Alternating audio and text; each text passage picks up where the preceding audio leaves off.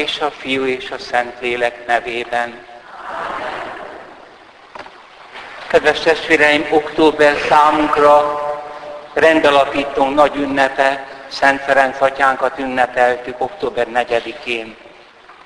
És elhatároztam, hogy egy trídumot tartunk, hogy ő mondja meg, hogy szerinte mi a keresztény hitnek a lényege. Szeptemberben erről beszéltem, hogy ahogy találkozik a szándámjánói feszülettel, és Jézus arca megelevenedik, tehát így foglalhatnám össze. Szent Ferenc számára a kereszténység egy arc, egy végtelenül szerető arc. Eljut-e idáig sok keresztény testvérek? Valamelyik budapesti beszélgető házban katolikus, arról is szó volt, hogy a zen buddhista meditációt folytathat egy katolikus, és elhangzik ilyen vélemény is, hogy nyugodtan lehetünk egyszerre két vallás tagja. Nem lehetünk. Nem igaz. Akkor a nyugdíjas panorami főapát egy nagyon jó dolgot mondott. Azt mondja felállt szólásra, volt egy tanítványom, akit a buddhizmus elragadott. Évtizedeken át tanulmányozta. Kiment Indiába. El is fogadták, hogy ő igazi buddhista. Aztán egyszer csak megjelenik. Mindent ott hagyott. És megkérdezte főapát úr, hát te hogy keveredtél vissza? Hát tudja főapát úr, ebbe a buddhizmusba nincs senki. A kereszténységben pedig ott van valaki, Krisztus. Testvérek, a tisztán látás ideje jött el. Olyan zavar van embereknek a fejébe,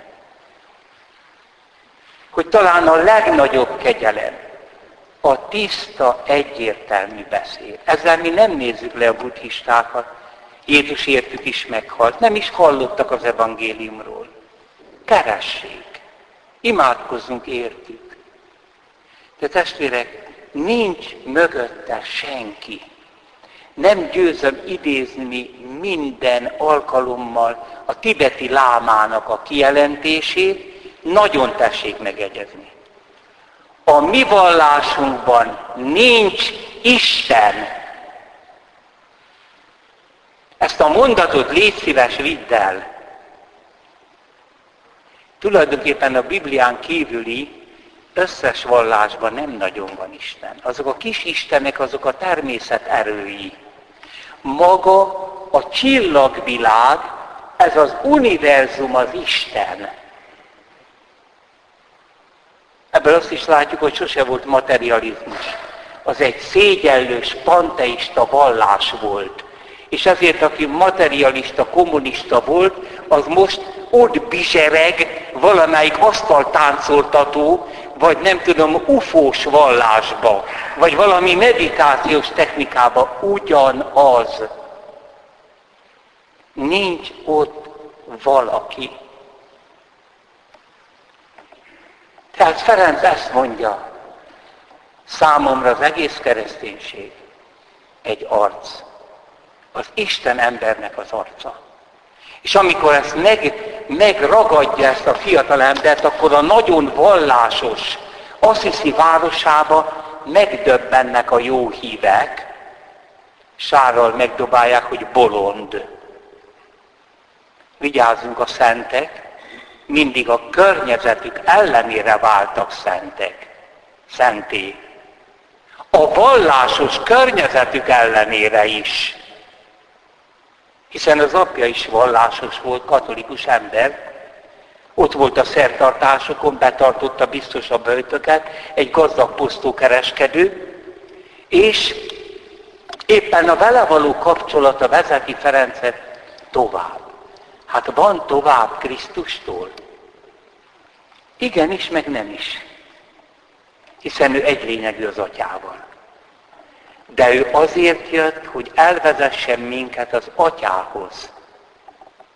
Én vagyok az út, nem akármilyen, nem egy meditációs út, nem egy erkölcsi út, ahol egyre jobbak leszünk, hanem egyetlen út vagyok az Istenhez.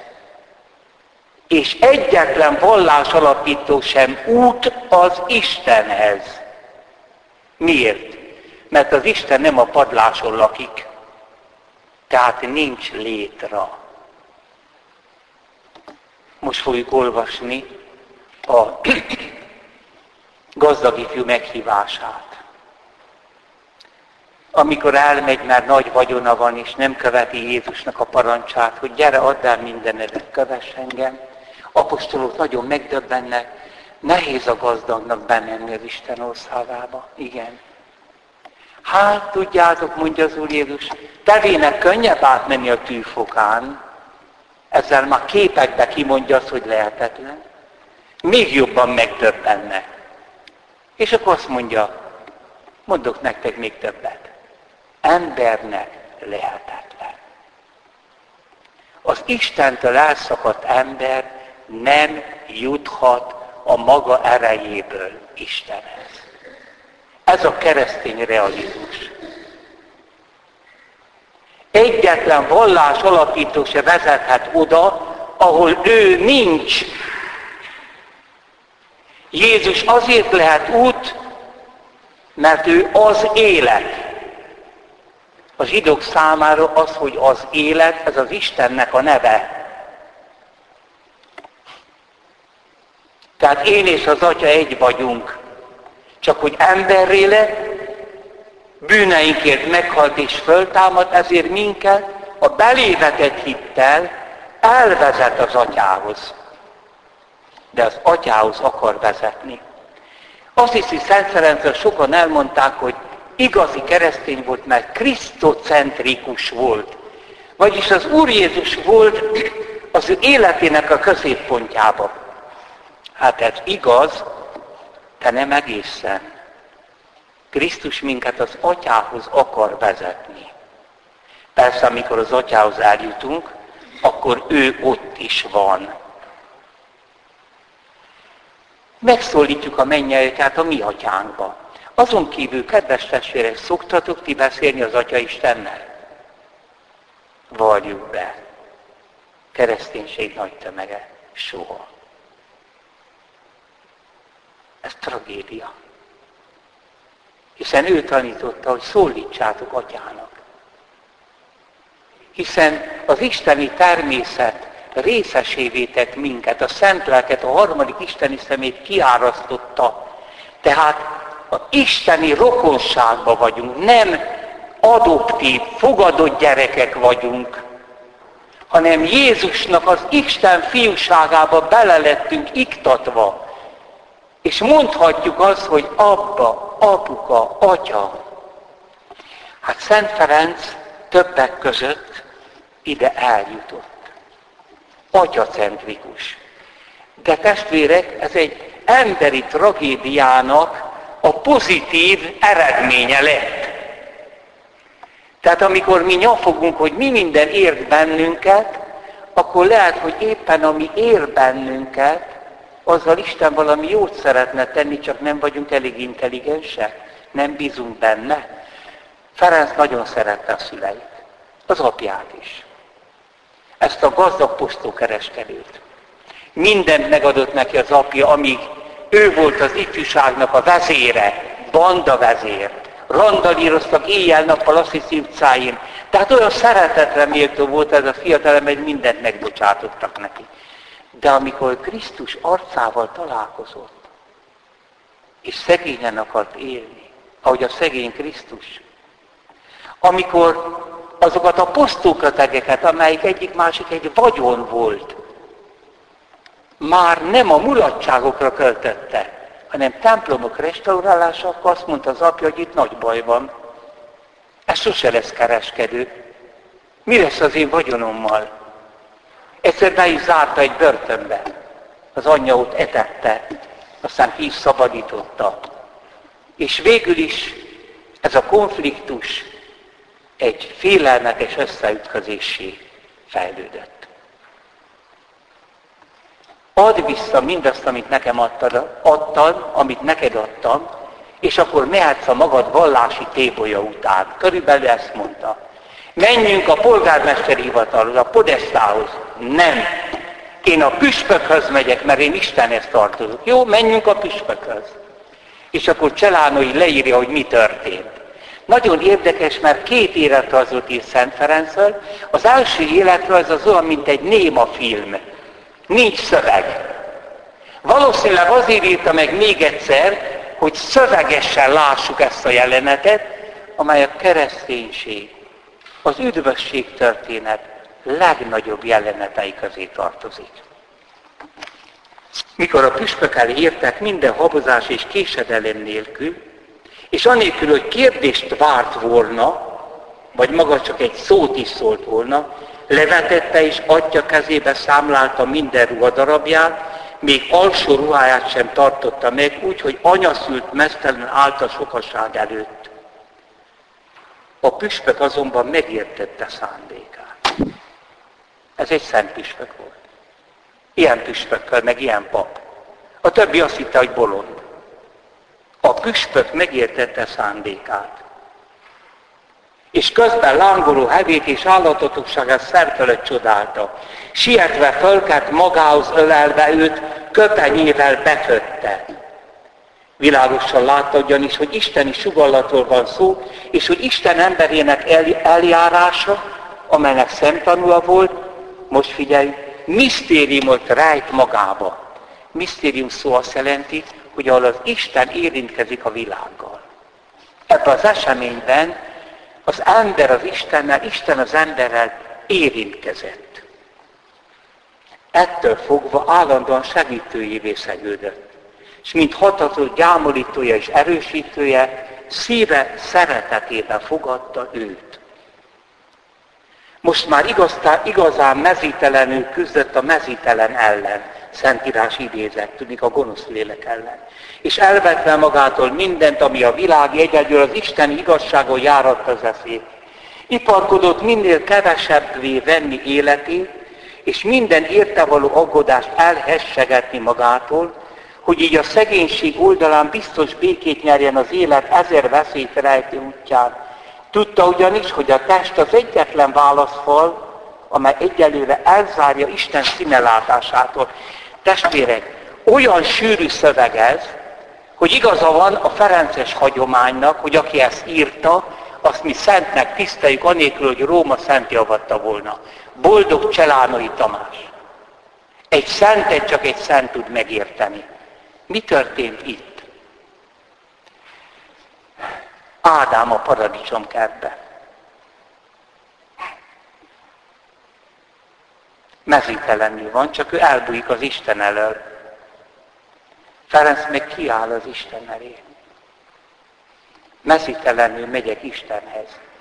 Na most itt jön be az a beteges egyoldalúság, ami elöntötte nyugatot, és nyilván Magyarországot is, hogy minden ö, szexuális szempontból néznek, és tisztátalan szemmel. Ezeknek az embereknek tiszta volt a szemük. Ez nem egy striptiz jelenet. Megértették, hogy Ádám nem a bokorba bujkál az Isten elől, hanem kimegy. Micsoda történet ez, testvérek! Hát az ember ős történetét újra éli.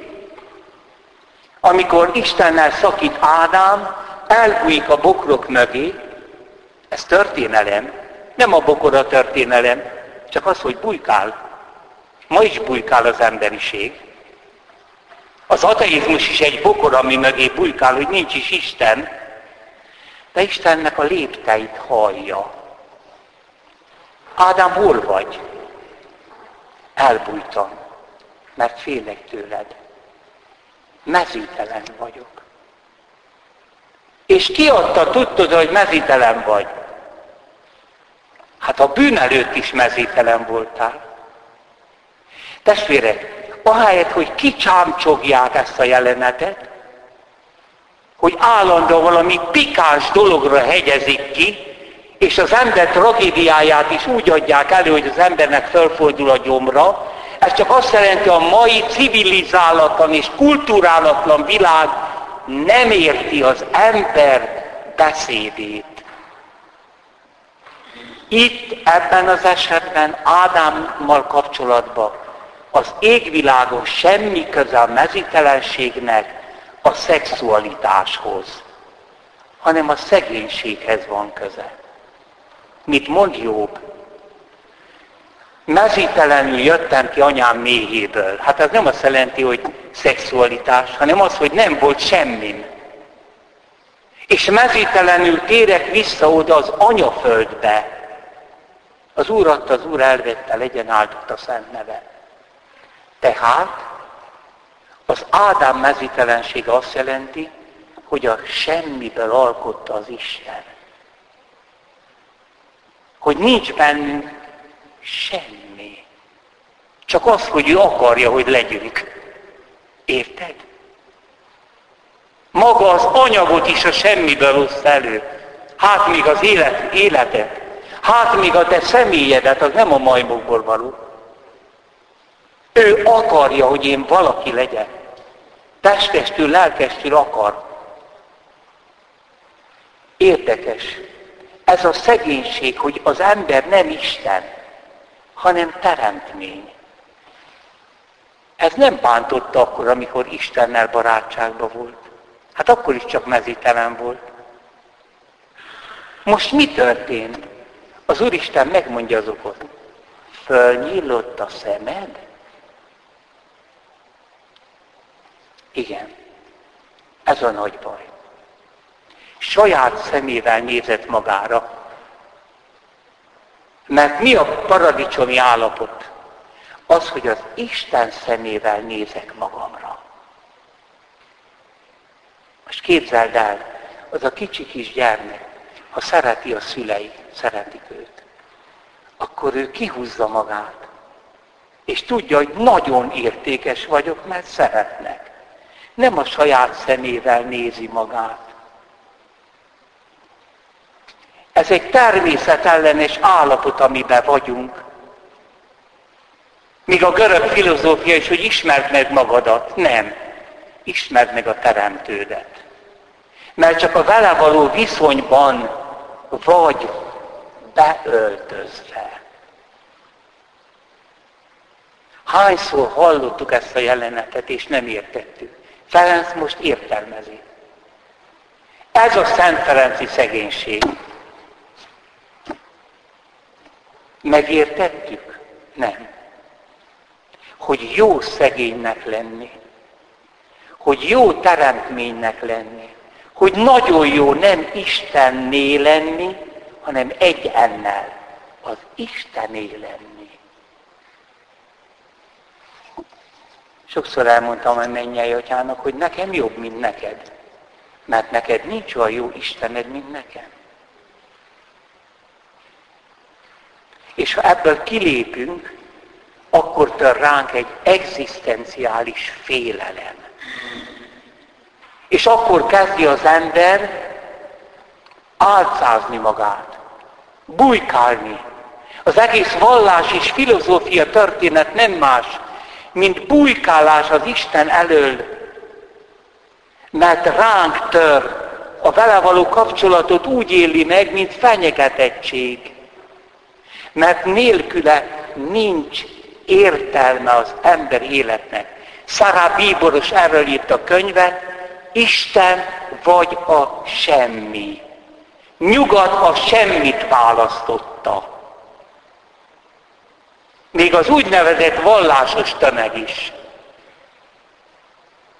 Isten nélkül ránk tör a szégyen, hogy porból lettem és porrá leszek. És mi ez az egész?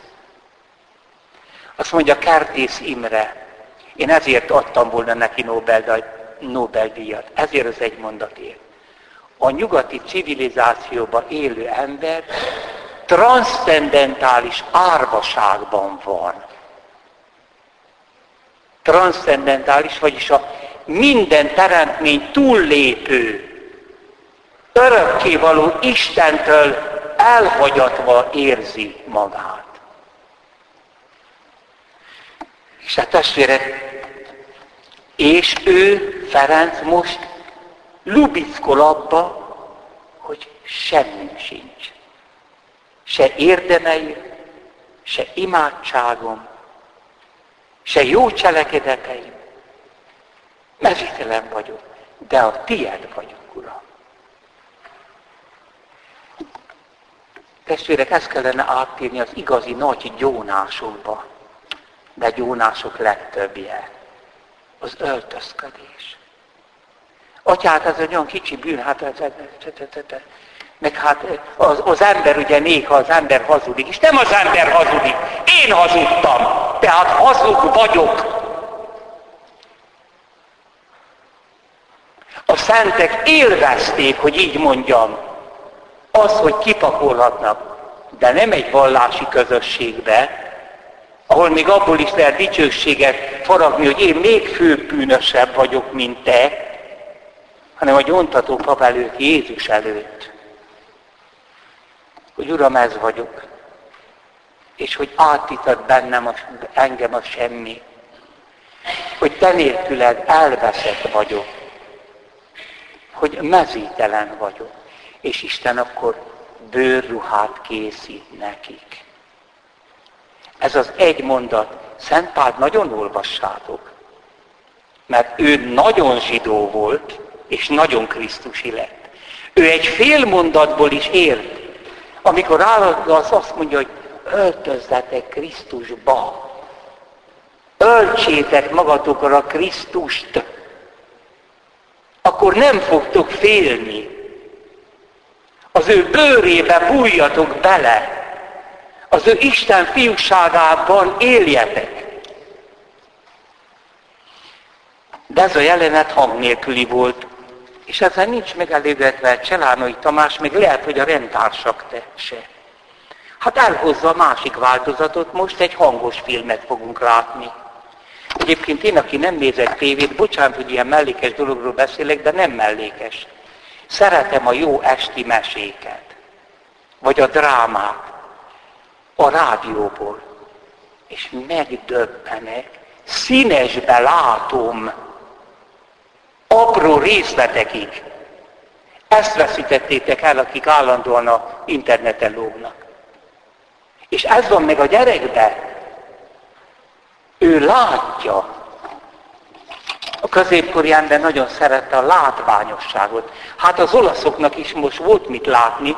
Gondolom az egész városba elment a híre, és ők szeretik a ribilliót, mindenki ott volt a püspök előtt, de még előtte valamit leírt Cselánói. Az apjával olyan rossz lett a viszony, hogy egész életében egy hatalmas sebként hordozta ezt a fájdalmat, ezt a szakítást. De nem akarta maszkírozni. Lehet, hogy ennek a gazdag assziszi polgárnak ez a fia ezzel tette a legtöbbet. Mert lehet, hogy a halálos ágyán gondolt a fiára, és megtérhetett az Úrhoz. Mert amikor az apja kitagadta, egy koldust kért meg, írja Tamás. Isten szolgáit nagyon alacsony származás, egyszerű embert tett maga mellé, ezt atya helyett atyává fogadta. És kérte, ahol vajalánszól csak atya átkokat szór rá, amikor találkozik vele az utcán, ő ellenkezőleg áldással halmozza előtt. Így váltotta valóra, és mutatta meg tettel is a profétai szó értelmét, hadd átkozzanak, csak te áldj meg engem. Isten ember a város püspökének egy fölötte jámborságú férfinak tanácsára azt a pénzösszeget is, amelyet eredetileg a templom helyreállítására szánt, visszaadta atyának, azzal a megokolással, húha, hogy az igaztalan úton szerzett vagyont nem illik szent célra fordítani. Ez egy becsületes kereskedő volt, de a túl nagy vagyon mögött mindig bűnök vannak. Kisebb-nagyobb csalás. Legalábbis az első 500 év apostoli atyái mindig idézőjelben megrágalmazták a gazdagokat.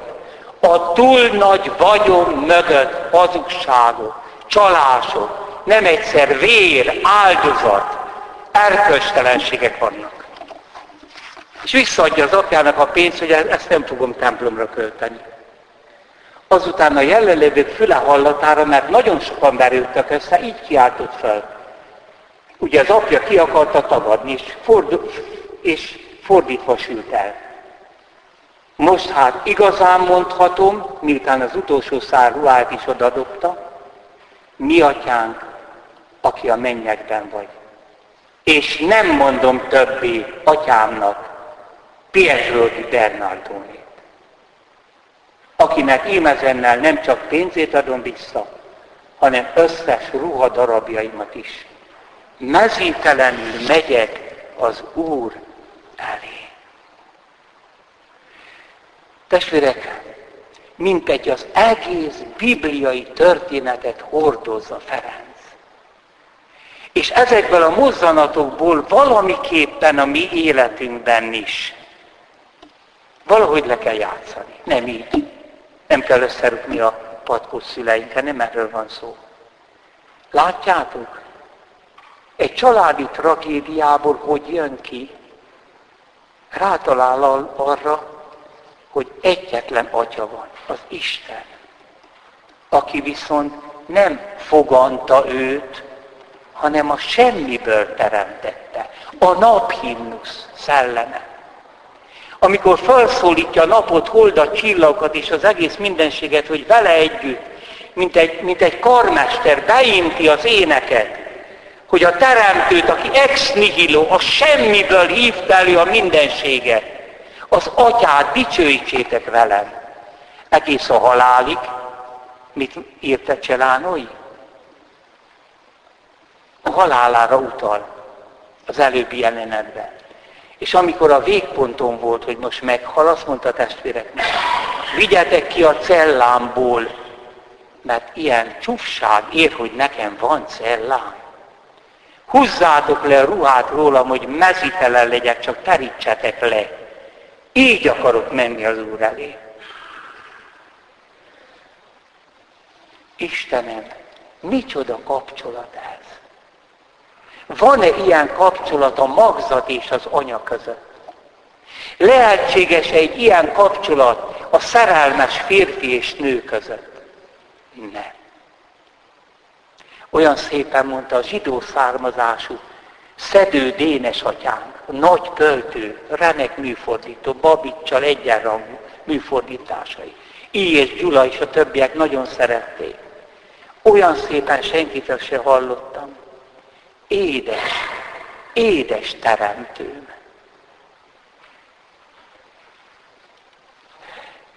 Ez a kapcsolat végigvonul az életén.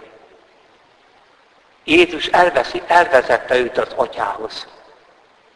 Egész addig, ami az vallás történetben ritka, kereszténység történetében, Pocsó Busztó néven, élete vége felé, egy remetességben, ahogy siratja a régi bűneit, egyre jobban, ez nem azt jelenti ám, hogy nagyon nagy briganti és bűnös volt, hanem minél inkább az Isten szentségét tapasztaljuk, annál jobban észreveszünk, hogy nincsenek kis bűnök, hanem rettenetes dolog van mögötte.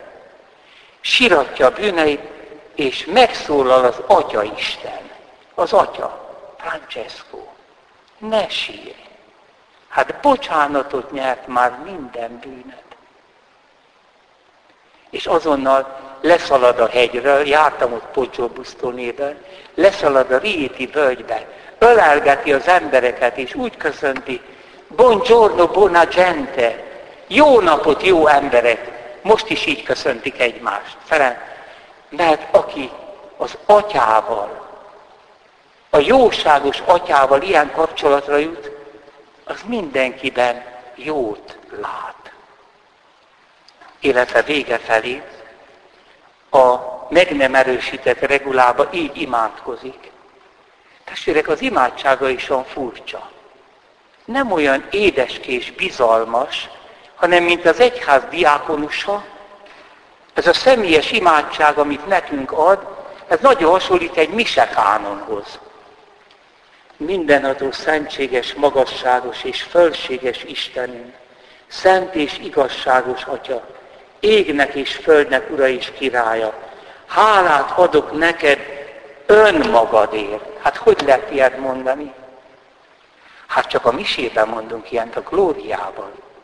Hálát adunk a te nagy dicsőségedért.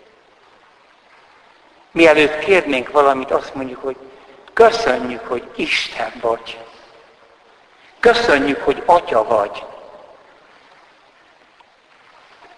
Szent akaratodból és a Szent Élekkel egyetlen fiad által megteremtettél minden szellemi anyagi létezőt, bennünket is a képedre hasonlatossága teremtve a paradicsomba helyeztél, mi pedig saját hibánkból elbuktunk. És hálát adunk neked azért is, mert miként Szent Fiad által megteremtettél bennünket, Szent Fiad által teremtettél. Ferences gondolat, hogy a majd megtestesülendő Isten fiában vagyunk teremtve. Karácsonyban áll fönn a világ. Első gondolata Istennek, hogy legyen Krisztus, legyen megtestesülés, és csak abban gondolt el az ember, és csak az emberben az atomok világát, vagyis a csillagvilágot.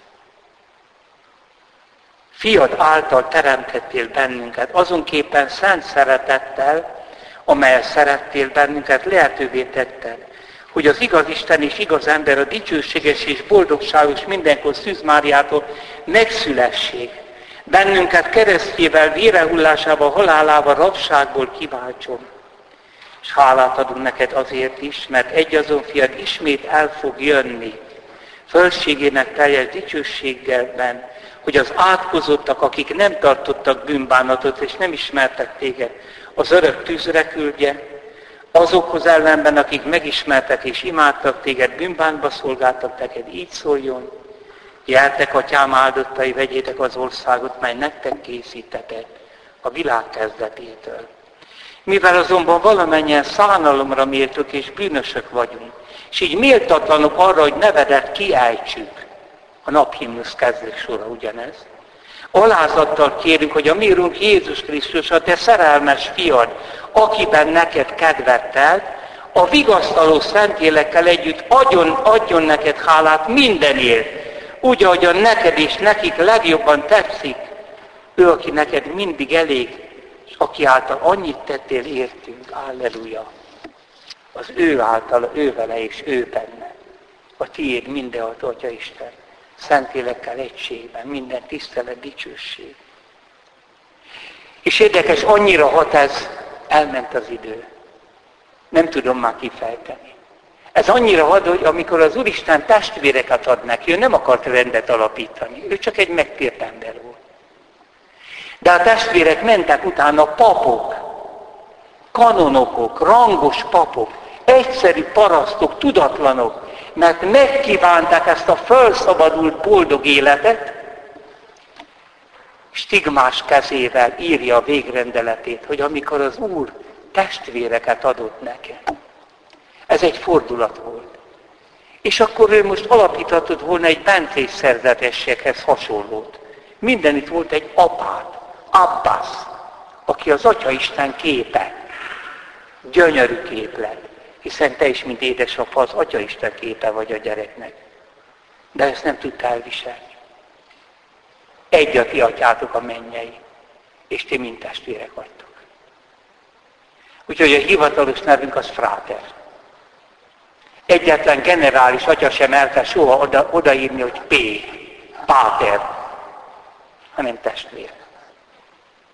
Persze a felszenteltségen miatt, hogy keresztelek, és az ige hirdetéssel életet ad nektek az Úr, hát, mint papot atyának szólítható, de nálunk nincs atya, az a mennyei. Egy új képlet. Ott a 13. században, ahol szerettek volna egy testvéri világot, de a pénz miatt elroblott. Ferenc egy olyan világ a saját szívében, találkoztatta egy kórnak a nemes vágyát, ami eltorzult a pénz miatt, az evangéliummal. És élete végén azt mondja, én megtettem a magamét, ti is tegyétek meg. Azt, amit nektek kell. Hát a Szent Lélekkel együtt adjon neked hálát.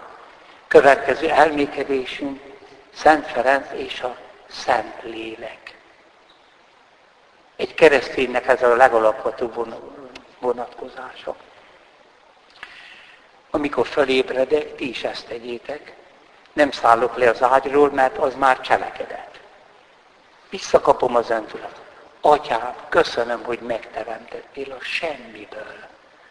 Senki se akart, és senki se szeret. Mert nem tud úgy szeretni, ahogy te. Meghalni is így akarok. Belehalni a bizalomba.